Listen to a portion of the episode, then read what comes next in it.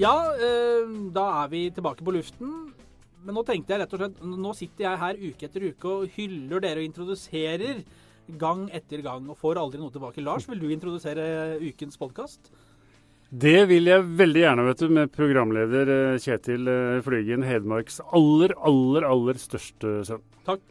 Uh, Bertil, vil du da ønske velkommen, du da, som jeg fikk introduksjonen? Ja, jeg trodde han skulle presentere Jeg trodde også det, men det presentere gjesten Lars Kvernås. Og hva heter Også- programmet? Programmet heter vel Aftenpodden Sport, hvis ikke jeg har uh, sett feil på papirene mine.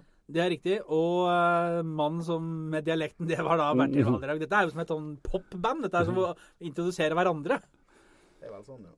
Uh, før vi går i gang, så bare Er det noen som har noen hemmelige selskaper i Panama? Akkur nei, akkurat det uh, skal jeg greie å svare benektende på. Men jeg har lest veldig mye om det.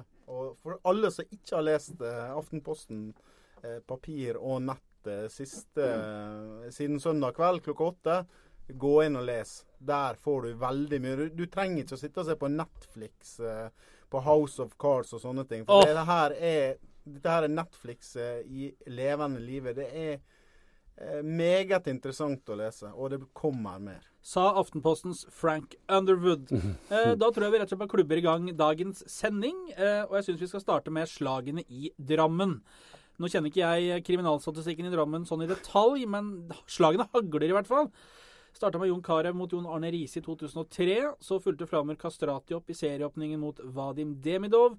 Før Haugesunds Haris Hajradinovic ga sin egen keeper Per Christian Bråtveit en liten en på kjaken i kampen mot Godset i går. Hva er det med Drammen og uprovosert vold? Det, Hva det er med Drammen, vet jeg ikke, men hva det er med fotballkeepere, er for så vidt eh, også et interessant spørsmål. For det, det vet vi alle er i desidert rareste dyra i dyrehagen. Eh, det er jo knapt en keeper som er eh, i nærheten av å være normal. Og, og hvis, hvis du skal fordele skyld på, på det som skjedde i går Den skyldige nummer én er Per Christian Bråtveit. Hva i all verden gjør en keeper der ute og kjefter på sin egen spiller, som har lagd et uh, straffespark? Han får holde seg i mål, og så får han gjøre det han eh, for så vidt gjorde i ettertid. Han får konsentrere seg om å redde straffa. Skyldig nummer to er dommeren, for det var ikke straffe. Og skyldig nummer tre, etter min mening, den som faktisk har minst skyld, er Hajdarovic. Fordi jeg skjønner at han uh, båndtenner faktisk når keeperen din kommer ut og gjør noe sånt, selv om det ser ut som et ordentlig Donald Duck-øyeblikk. Så skylda legges altså på keeperen, som var treneren med på guttelaget sa. Keeper. Keeperen, ja, ja jeg, jeg syns det, fordi uh, altså, det er jo Kapittel nummer én i keeperstolen er tydeligvis å kjefte mest mulig på egne spillere. Så fort motstanderen får avslutta, for ikke snakke om når du skårer et mål, uansett hvor stor keepertabba eventuelt måtte være, så ser du nesten uten unntak aldri at ikke keeperen er ute etter å kjefte på de to-tre nærmeste medspillerne sine. Bertil, eh, er du enig med en eh, engasjert lærer? Ja, ja, jeg har spilt fotball sjøl og har opplevd keepere som deler ut skyld, eh, rundhånda til folk som er uskyldige. Og, og det som skjedde der, det er jo å komme og, få eh, huda full av en 20-åring som står i buret der, på noe som det egentlig ikke var et straffespark engang. Jeg skjønner godt at han reagerte. Men er det ikke lov å det- si fra når kløner det til på den måten med ti mann Jo, og det er lov å si fra, men å stå brølende i ansiktet og, og altså Han skjønner jo sjøl at det er dumt å få et straffespark imot.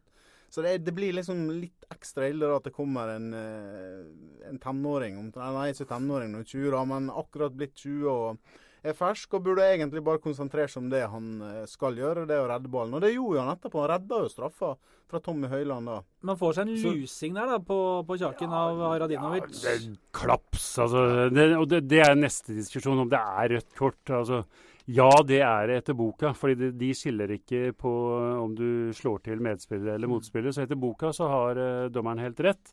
Jeg syns han skal bruke det Ivar Fredriksen i sin tid kalte den aller viktigste paragrafen, og den handler om sunn fornuft.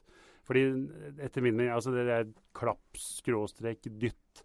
Slag i min tabloide bok. Men ja, det er jeg, jeg, jeg, jeg syns det har vært helt altså, Gi henne et gult kort, og så blir du ferdig med det. Og så får de heller skvære opp eh, i garderoben etterpå. Det, det er min ærlige mening på det. I hvert fall når dommeren sjøl eh, har dumma seg, ut, som han selvfølgelig ikke skjønte der og da. Men eh, han burde ha dømt frispark i stedet for straffe. Det hadde holdt med gult. Det er en linjemann der, eller en assistentdommer som du heter, da, som står og veiver, og som har sett at det var voldsomt spill, eh, eller voldsom eh, oppførsel da, fra en spiller der. Bertil, ville du ha sendt den på tribunen, eller ville du ha gitt den gult òg? En linjemann? Nei, ja, han kan. Fjerdedommeren fjerde var det faktisk. Ja, som, som grep inn. Ja, han, eh, ja, Fjerdedommeren. fjerdedommeren var det faktisk. Ja.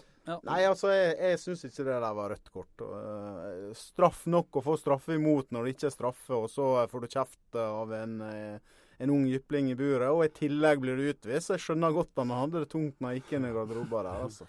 Men det er ikke første gang det her at det er uh, fotballspillere, og for, for så vidt lagkamerater også, som ryker i tottene på hverandre. Bertil, du har tatt et dykk ned i ditt uh, store og innholdsrike arkiv.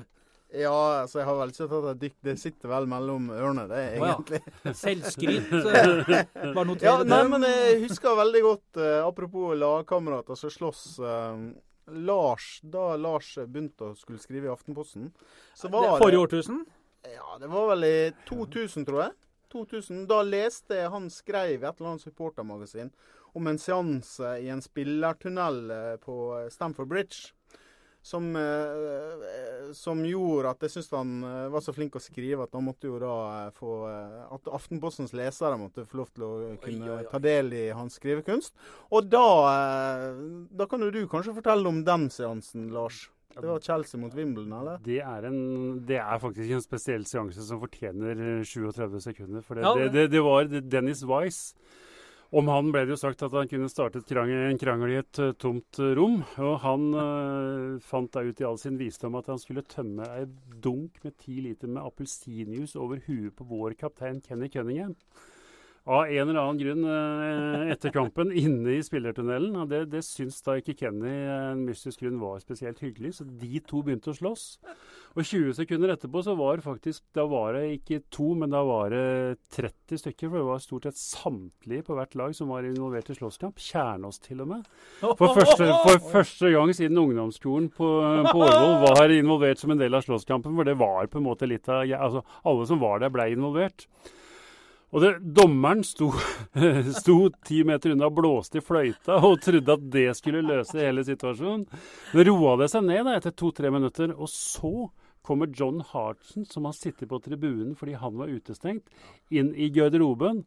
Og fant ut at han må jo være med og bidra, han òg. Så han, kli, han klinka til Vialli på, på, på Og dermed så var hele greia i gang igjen. Og, det, og, det, og, og den siste delen av kapittelet altså Vi satt der og hadde tapt 3-1 og var enda et skritt nærmere nedrykksstreken. Men jeg har aldri opplevd den spillergruppa så stolte noen gang som i garderoben etter kampen. Vi hadde tapt fotballmatchen på Stamford Bridge, men de hadde vunnet slåsskampen. Og de var altså som, de var som haner, hele gjengen der inne.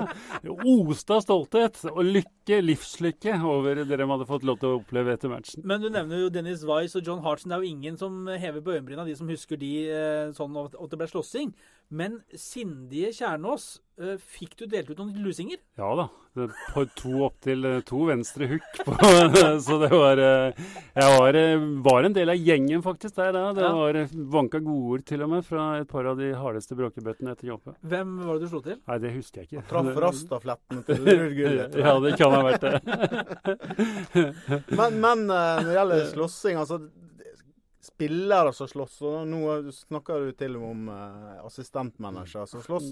Men, Men, men, eh, men, men Drillo, eh, hvor var han? Drillo slåss ikke. Det kan avkrettes. Det Ja. kan herved avkrettes. Ja, så han var, han var, like i garderoben, eller? han var uskyldig. Han tror jeg var i garderoben. Ja, det var jo kanskje like greit at Det de ikke tror jeg var like greit. Ja. tok av seg perlene og begynte å veive løs der. Da. Tror det var helt ålreit. Ja. Vær så god, Bertil. Ja, nei uh, Graham Sunes. En god fotballspiller i Liverpool i tid. En grisespiller av dimensjoner på sitt aller verste. Det er bare å gå inn på YouTube og søke på navnet, så ser du et par taklinger som, er, som har 18 års aldersgrense. Men det han gjorde da han var manager i Blackburn han var så irritert på Dwight York at han tok på seg knottesko sjøl og skulle være med på treninga. Det første han gjorde, var å måke tofotstakling rett inn i leggen på Dwight York. Så Dwight York fikk ei flenge i leggen. Det står i boka til Henning Berg, biografien. Veldig god bok. Veldig god bok, ja. Skrevet eh, av Joakim Førsund. Men det forteller jo altså da, det, det er jo enda verre. Da, da har du tatt det steget. Ja. og til og med skade nøkkelspillere og sånt når du er manager. Ja. Eh, så må jeg si at Graham Sunes han var vel en bedre fotballspiller enn manager, så heldigvis kan jeg si nå at han ikke har noen flere klubber å ødelegge. Men vi husker jo bildet av han som satt mellom to lagkamerater som røyk i tottene på hverandre i en Newcastle-match også. Ja. Dyer og Bovier, Ja, det var det. De, det eh, de mista det.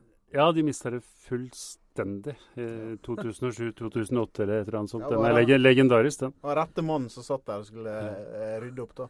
Mellom dem to. Ja. Men det har, de har gått altså, på TV-bildene som man kan finne på YouTube, så er det jo Det ene er vel irritert på den andre på en pasning eller et eller annet sånt, og så plutselig bare mister de det. Gardina går ned, og så begynner de å klinke løs på hverandre. Det er helt nydelige scener. For motstanderne så er det helt nydelig scene. Det er ikke noe tvil om. For lagkameratene er det ikke akkurat like moro. Eh, Men, men eh, den siste kampen Lars var eh, assistentmanager i Wimbledon, på Valley Parade i eh, Bradford Da var det vel en seanse med John Hartsen i spillertunnelen. Han ble jo utvist i kampen, men var ikke det noe som skjedde i spillertunnelen også der? På vei ut til kampen? Han, han hadde jo fyra seg opp noe Fryktelig, i hvert fall. For han har vært skada og, hadde si, 14 tonn med energi som skulle ut i løpet av noen sekunder. Så han starta vel å gi folk huden full, tror jeg, i spillertunnelen, og så varer han vel bare et par minutter eller noe sånt ute på banen før han eh, forsvinner igjen. Så det var, det var ordentlig båndtenning. Men uh, merka du forskjell på den kulturen der borte på sånn uh, terskelen for å gå i et slagsmål, liksom? Ja, ja, definitivt. Og det, altså, nå er vi inne på, på si, samfunnsdiskusjoner. Ja. Eng, e- altså, England og, og Storbritannia har jo en helt annen hierarkisk inndeling. I garderoben så var det på en måte sersjanter og offiserer som skulle holde litt orden. Ja. Og der kunne det gå så langt på sitt verste at, at det blei holdt på å si langt mer enn ord som, som blei delt ut. Hvis de mente at de menige ikke hadde gjort jobben sin, så var det på en måte en del av, av de øverste i hierarkiets rett å, å statuere eksempler på den måten. Yes. Så Så det gikk på nevene løs, altså, i garderoben? er ikke ofte, selvfølgelig, men, Nei, men- Det, det, det kunne gjøre det. Og vi hadde, uten at jeg skal gå Vi hadde eksempler på det i pauser i, i, i kamper også, når folk mente at eh, de ikke hadde gjort eh, jobben sin. Var dere du og Drillo forberedt på at det kunne bli sånn, liksom, eller? Nei, jeg var ikke det. Nei. Eller ingen, ingen av oss var helt, eh, helt sikkert det. det, det altså, og det, det var jo For å bruke et annet eksempel da, på, på hvor ulik uh, den tilnær- tilnærmingen var. Så vi tapte 4-0 for Everton i runde 3, 4, 5, eller i hvert fall tidlig i sesongen. Og når du da kommer inn, så var det jo en kultur hos oss at vi, vi tok ikke noe kampgjennomgang da. Eh, holdt på å si bare sa takk for kampen, og vi får ta den seinere. Og det husker jeg, det var det første lille gryende, på en måte, kall det opprør eller misnøye. For da ville de rett og slett bli slakta av manageren eh, i garderoben etter kampen. Og jeg husker jeg vi satt på bussen, så kom et De turte ikke å gå til manageren, men et par av dem kom til meg etterpå og sa at hør her, altså nå skal vi bli Når vi spiller så inni granskauen dårlig som vi gjør nå, så skal manageren slakte oss. Det er på en måte en del av kulturen. Det hadde, hadde aldri blitt nevnt tror jeg, i Norge, men i England så var det veldig veldig Da naturlig. kom jo Dere erstatta vel Joe Kinnear. Ja, Han, var vel, han, var, han var vel aller best i motgang. Ja, Om Joe Kinnear, for å ta siste anekdote, så sies det at han i løpet av alle år som manager innleda eh, pausepraten på nøyaktig samme måte hver gang. Hvorfor i prikk, prikk, prikk bruker jeg tida mi på dere? Det var første setning, uansett hvordan første omgang hadde vært.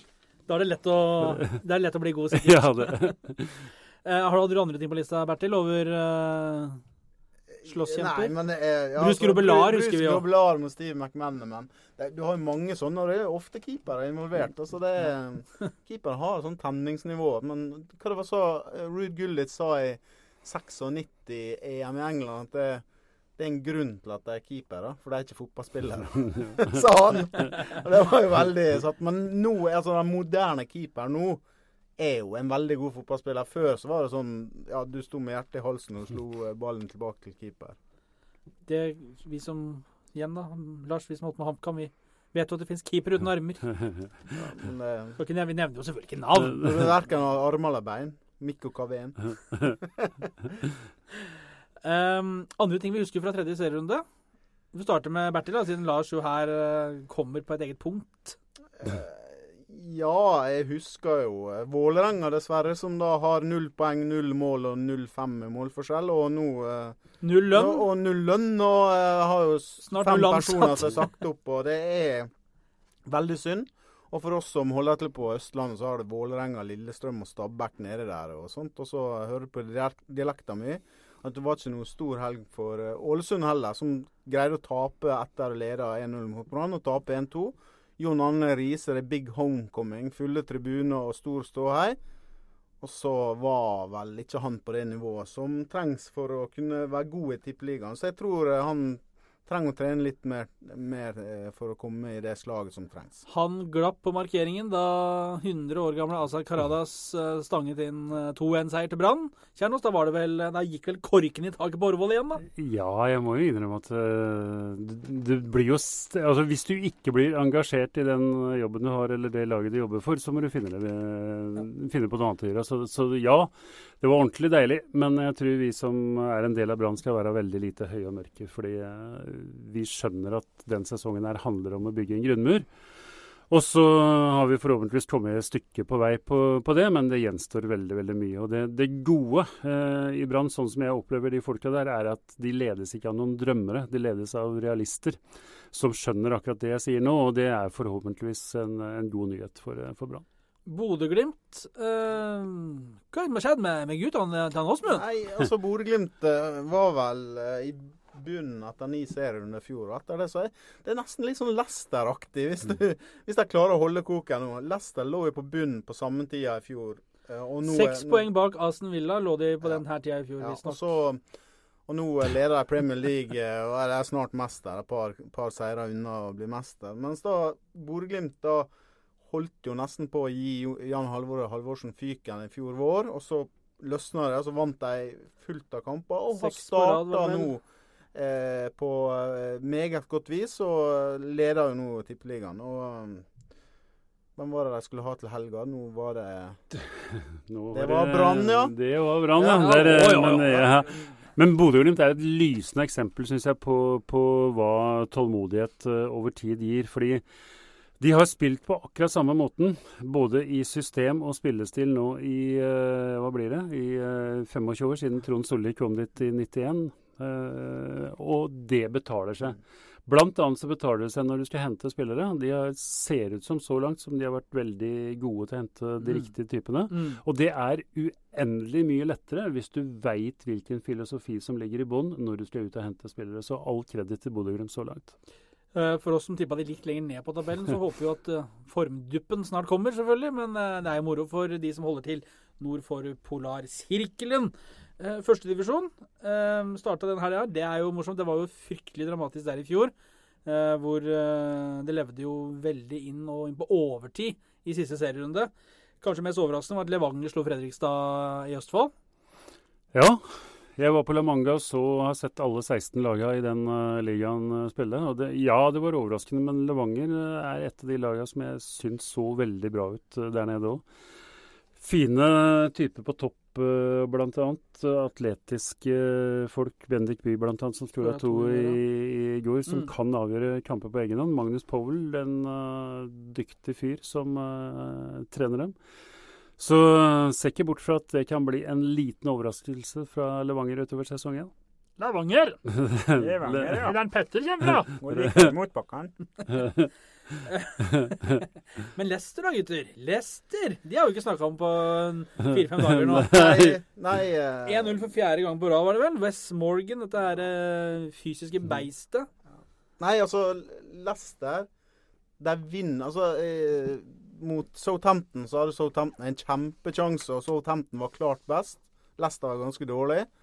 Og så tenkte jeg nå kommer de til å skåre. Ikke Southampton, men Leicester. Og så gikk det to minutter, så skåra de. Og det er sånn typisk et lag som vinner Premier League. De avgjør sånne kamper. Nå har de gjort det flere ganger. Og ballen ruller akkurat i riktig retning i hver eneste kamp, og de klarer å vinne 1-0, og det holder. Så Tottenham isolert sett gjorde det ganske bra med å Spilte en bra kamp borte mot eh, Liverpool. 1-1. Hvordan kom vi inn på Tottenham nå? Nei, for det Nei, er fordi det, de, nei. de kjemper om ligatittelen. Eller det er kjempet, var det. er. Eh, kjemper ikke nå lenger, tror jeg. Jeg tror det er for langt opp. Sju poeng for Tottenham klarer ikke å vinne resten av kampene. Og Leicester kan nå tape to-tre kamper likevel bli ligamester. Så eh, jeg tror nok at eh, det blir det mest sjokkerende ligagullet i eh, Premier Leagues historie. De, har- de har tapt tre av de første 32 kampene sine. Eh, Og hvis de taper tre av de seks siste, så tror jeg som Bertil sier fortsatt at de blir mestere. Så da, da, nå snakker vi eh, si, om, om noe som begynner å bli utrolig sannsynlig at det går helt hjem. Og, Og, ja, det, og det, det må Da må vi ha kanapeer og bløtkake, Ja. gutter. For det er faktisk Jeg, jeg, jeg, jeg veit at ikke Bertil er eh, like udelt begeistra for det som Tottenham-supporter, men jeg, jeg syns det er helt nydelig. Flexibility is great. That's why there's yoga. Flexibility for your insurance coverage is great too. That's why there's United Healthcare Insurance Plans. Underwritten by Golden Rule Insurance Company, United Healthcare Insurance Plans offer flexible, budget friendly coverage for medical, vision, dental, and more. One of these plans may be right for you if you're, say, between jobs, coming off your parents' plan, turning a side hustle into a full hustle, or even missed open enrollment. Want more flexibility? Find out more about United Healthcare Insurance Plans at uh1.com. Hey, I'm Ryan Reynolds. Recently, I asked Mint Mobile's legal team if big wireless companies are allowed to raise prices due to inflation. They said yes. And then when I asked if raising prices technically violates those onerous two year contracts, they said, What the f are you talking about, you insane Hollywood ass? So to recap, we're cutting the price of Mint Unlimited from $30 a month to just $15 a month. Give it a try at mintmobile.com slash switch. $45 upfront for three months plus taxes and fees. Promo rate for new customers for limited time. Unlimited more than 40 gigabytes per month. Slows. Full terms at mintmobile.com.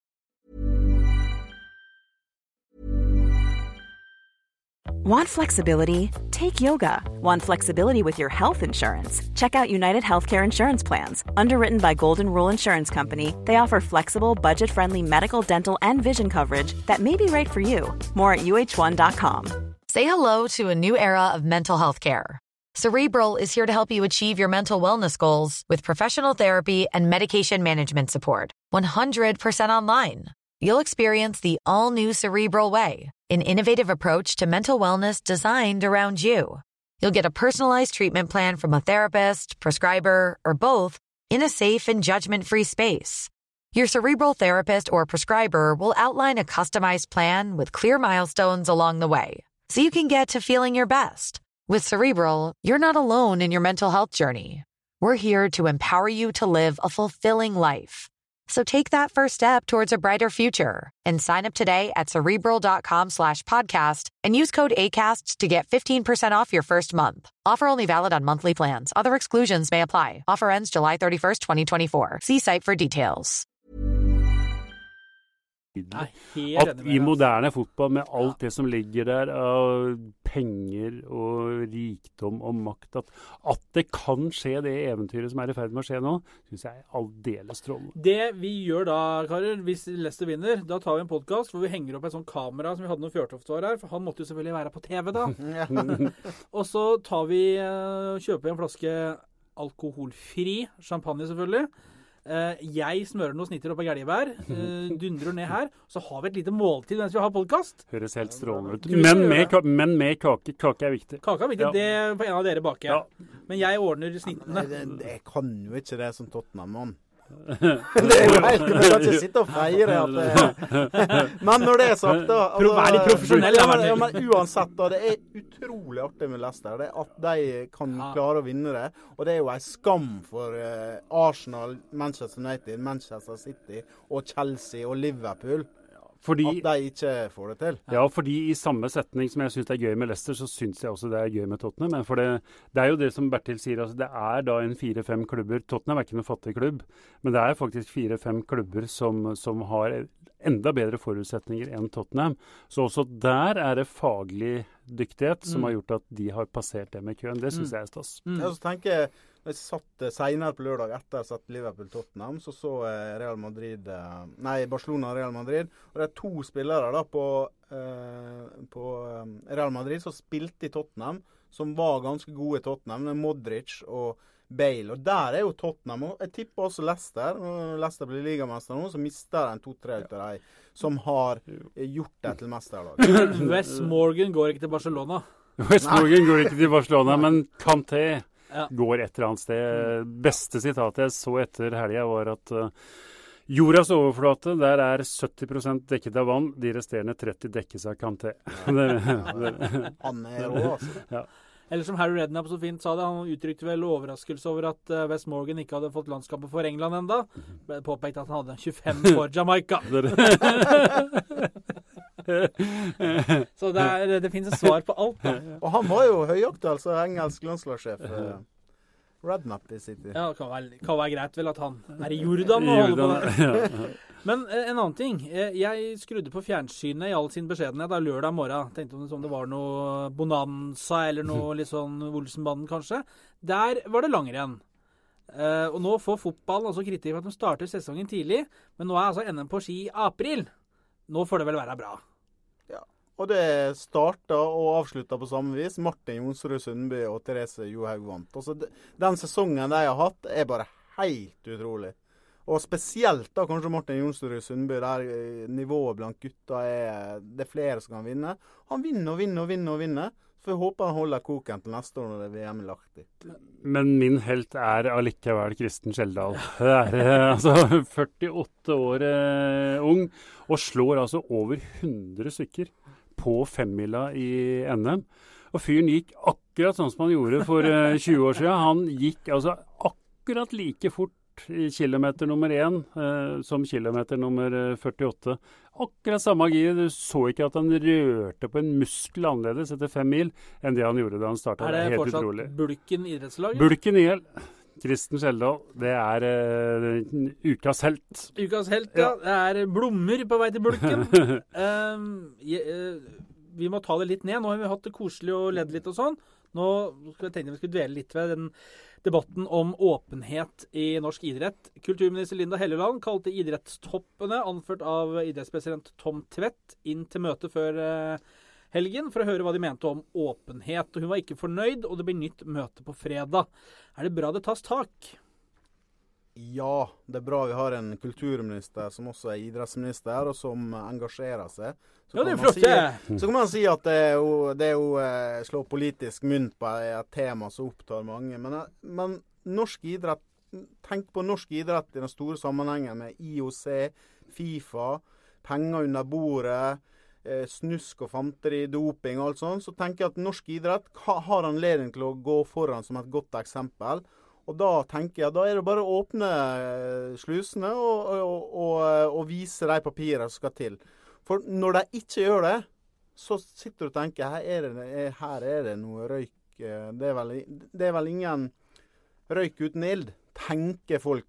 Selv om det sannsynligvis ikke er det. Men det, jeg skjønner ikke helt problemet med den De snakker om at det skulle være nådeløs åpenhet. Ja, men det er for å åpne opp eh, korridorene, da. Kjernås, du som jo på en måte er vår representant inn i maktens korridorer gjennom dine eh, ulike verv og lang fartstid. Hva syns du?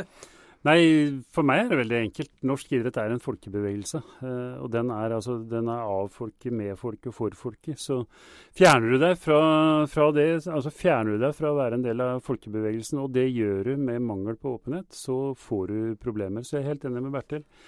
Den nådeløse åpenheten må ikke vises i ord, men den må vises i handling for nettopp å være en del av den folkebevegelsen videre. Jeg var på Ullevål på lørdag og så uh, Vålerenga mot Rosenborg. Uh, stilte spørsmål til Kjetil Rekdal etter matchen hva han uh, synes om debatten. Uh, og han, jo, han sier jo ofte det han tenker. og mente at det her var hykleri, hyling og skriking og et jag etter å finne småting som man kan lage store ting ut av. Ser dere poenget hans?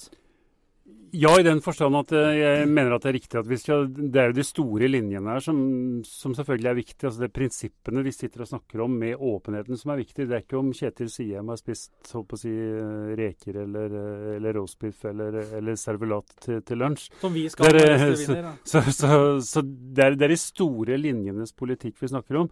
Men det er, det er først og fremst et verdispørsmål, og verdispørsmål er ting du praktiserer, ikke ting du snakker om.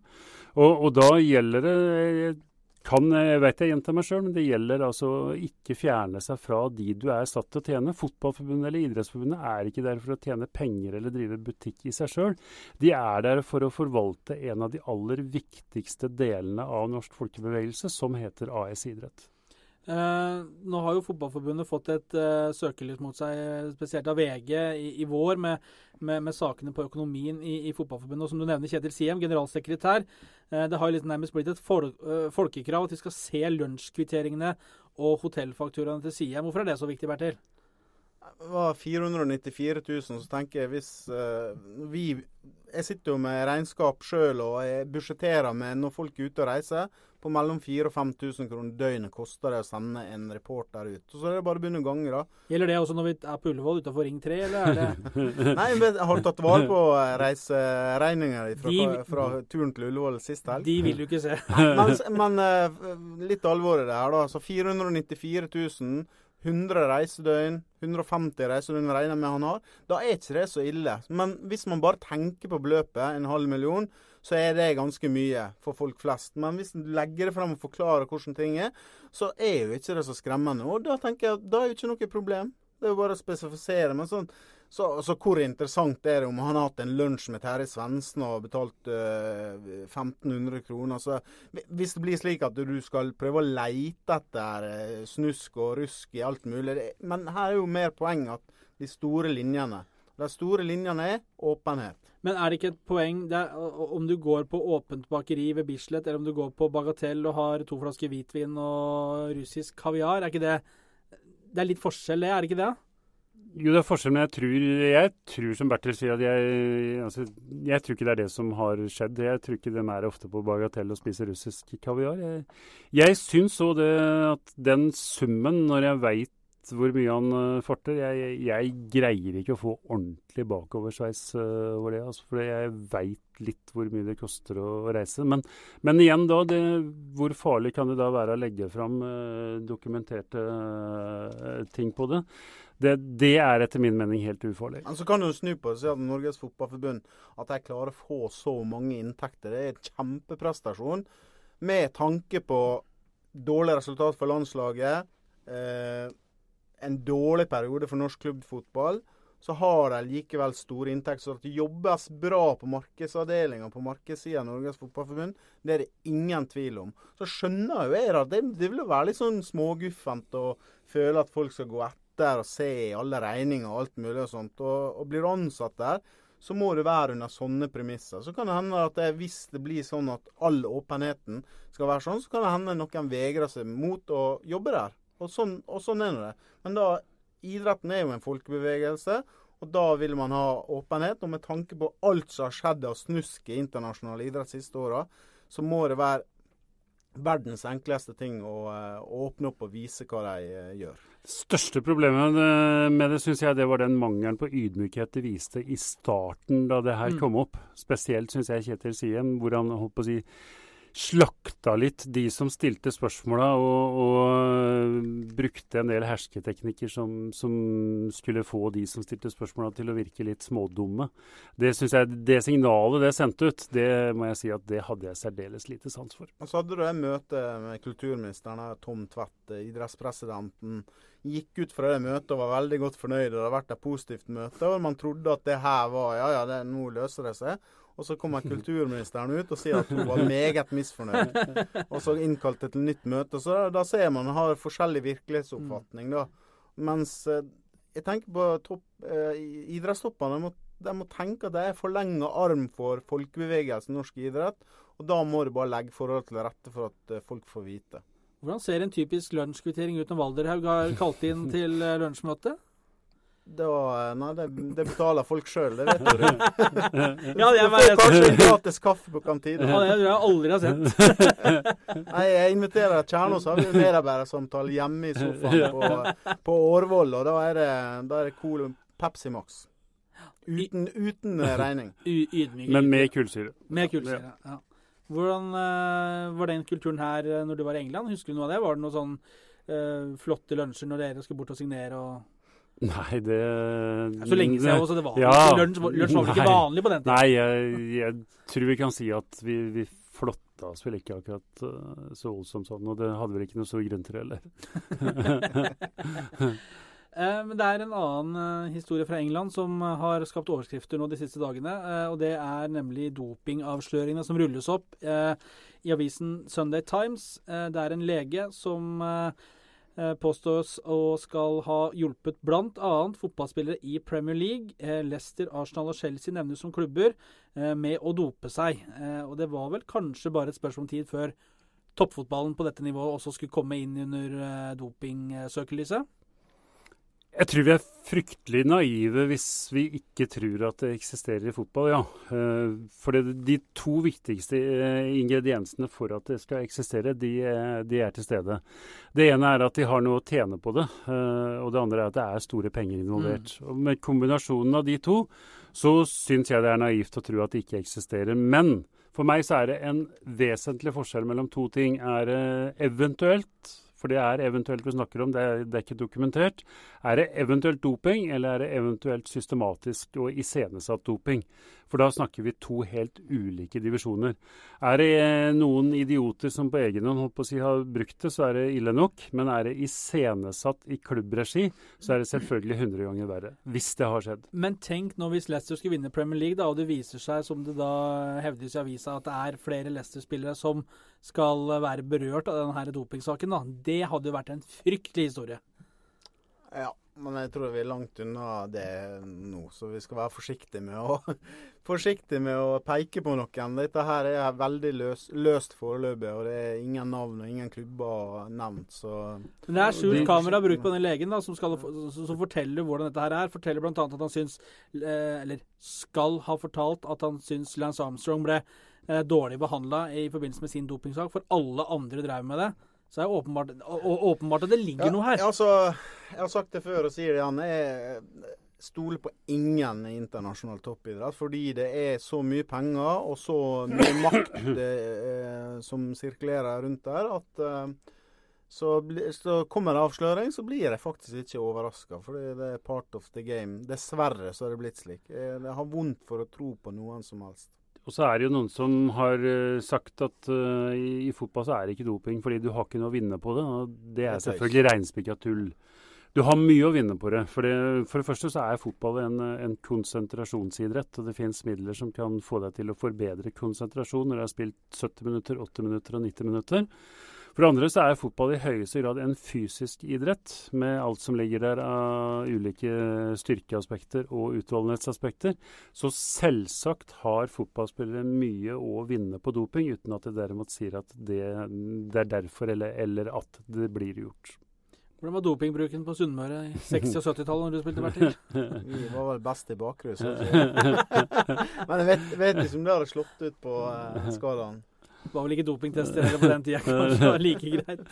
Men, øh, men øh, vi hørte jo det var, Innimellom så kommer det noen drypp da, om hvordan folk har trent opp igjennom. Blant annet den øh, 99-2000-årgangen vel til Juventus, øh, som visstnok skal ha vært i forbindelse med dopinglege, hvor man snakka om Zidane og co. som ble trent som elitesoldater. og fikk eh, kunstig stimuli for å raskere restituere seg og være piggere, som du sier. Er det, Forekommer det, tror du, hvis du skal bare stikke fingeren i lufta, i dagens toppfotball? Ja, jeg tror det. Jeg, jeg tror det. Og det, altså i hvilken grad og hva slags medikamenter, det, det aner jeg ikke. Men jeg, jeg blir veldig overraska hvis ikke si, grensene blir tøyd sånn at strikken av og til ryker i enkelte steder. og skal jeg passe meg så det ikke blir noe søksmål der, men uh, du, nevner jo, du, du nevner jo Juventus, og det, det er vel relativt klare indikasjoner på at uh, deres mesterlag ikke bare spiste uh, gulrøtter og drakk uh, appelsinjuice til, til frokosten. Den saken ble jo uh, ikke noe ut av fordi den var forelda. Det var sånn den ble avslutta. Så, eh, så der var det vel noe grums, kan man anta. Uten at man skal si noe mer om det. Og Det var jo det Juventus-laget som slo ut Rosenborg i Champions League òg. Eh, det drar seg mot avgjørelse i NM-finalen i ishockey. Regner at dere har sittet nå siden forrige sending og nærmest eh, bare venta på nye matcher. Ja, nei, jeg, jeg venter på et Nei! nytt Jeg venter på et nytt, nytt friskt sitat fra Petter Thoresen. For nå har jeg virkelig skjønt hva ordet katastrofe betyr. Vet du hva katastrofe er? Ja, han tok en noe hardere og klarte å snakke seg sint i et intervju, så det var, det var fint. Men det, det rare der er jo at han sjøl som lanserte krise og katastrofe, og så gikk han i strupen. Dagen før så sier han at det, folk må slutte å grine så jævlig, og heller begynne å hjelpe dem, for det er ikke katastrofe om vi taper. Konfrontert med det, så klikker han på TV 2 som journalist. Etter å ha gitt sitatet uoppfordra i et TV 2-intervju. Det er så deilig når folk tar media. Altid skal, vi skal alltid tas.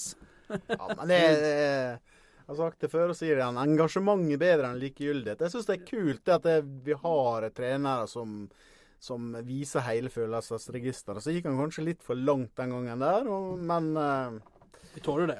Det tåler vi. Ja, altså Gjentar jeg meg sjøl fra sist, men i går var det altså 10 000 tilskuere. Eh, nesten nøyaktig på de to semifinalene.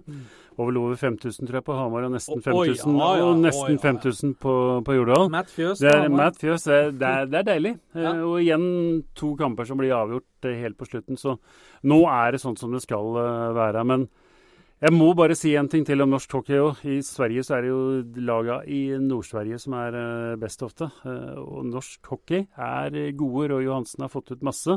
Men vi har et enormt uforløst potensial ved at vi får med oss Nord-Norge, Trøndelag og Nordvestlandet. Da hadde vi blitt gode. Da Da hadde vi vært i nærheten av Russland og Tsjekkia. Hadde vi fått med de delene av landet òg. Som vi etterlyste forrige sending, Spjelkavik Cowboys, når, Ja. eller Warriors, når er det vi får de liksom i Eliteserien i hockey? Det har vel ikke vært i, i Det har vel ikke vært is eh, på Sunnmøre eller på Vestlandet på årtider. Så det er Den vel- gummien som er i spill der, det handler vel ikke om isen, det, kanskje? eh, ellers så, så Du skjønte den ikke? Nei. På dekka. Nei, men den, den gummien, altså pucken Gummifucken. Ja. Ja. riktig. Det, De det gummi, bruker ikke det, gummi ja. til puck, men de bruker gummi til andre ting. Ja. Mm. Sa brura. Ja, ja. Eh, Lars, det er Champions League eh, denne uka her òg. Det er det ikke minst, så det blir eh, ordentlig deilig. Med Rydd kalenderen tirsdag-onsdag. Jepp. Eh, noe annet To. da? Nei, kan jo stikke frem huet og si at det er to klare favoritter i, Ja. eh, i de fire kvartfinalene, etter min mening. Bayern kommer til å slå ut eh, Benfica. Real Madrid kommer til å slå ut Wolfsburg. Så tror jeg at Barcelona kommer til å slå ut Atletico Madrid, men får trøbbel. Og så tror jeg at PSG kommer til å slå ut Manchester City, men får trøbbel underveis. Det, er, det var tipsa. Og så kan vi se om ei uke at eh, jeg som vanlig har uh, dumma meg ut når det gjelder tips. Fire ganger Blir det fire H, da? Eller spiller Barcelona borte? ja, nei, de spiller hjemme første matchen og har uh, kun uh, har vunnet åtte av de ni siste i ligaen hjemme mot Atletico Madrid. Ja, så da setter vi gård og grunn på Kjernås-tipsa. Men eh, Barcelona var, vist litt svakhetstegn mot eh, Real Madrid nå. Det er 38 kamper på rad uten tap, og så kom det tapet mot Kanskje i den kampen der det svir mest. Det så ut som de hadde full kontroll da de gikk opp til 1-0, og så tapte de fortjent, faktisk. Eh, Real Madrid hadde jo eh, skåring som ble feilaktig og annullert, og Mm. skudd i tverrleggeren. så eh, jeg vet ikke, men det kan hende de hadde den kampen mot Atletico Madrid i tankene siste halvtimen, når det begynte å se ut som de skulle vinne. og Så spilte de med håndbrekket på, og så tapte de, og så er de gira igjen. Lars, du som åpna ballet, vil du avslutte også? Jeg Vet ikke helt, men eh, hva jeg skal avslutte med, uh, Flyggen, det er, uh, det er uh, Nå tok du meg litt på senga her, men uh, da. jeg tror vi rett og slett sier ha det. Jeg har ikke noe bedre avslutning enn det.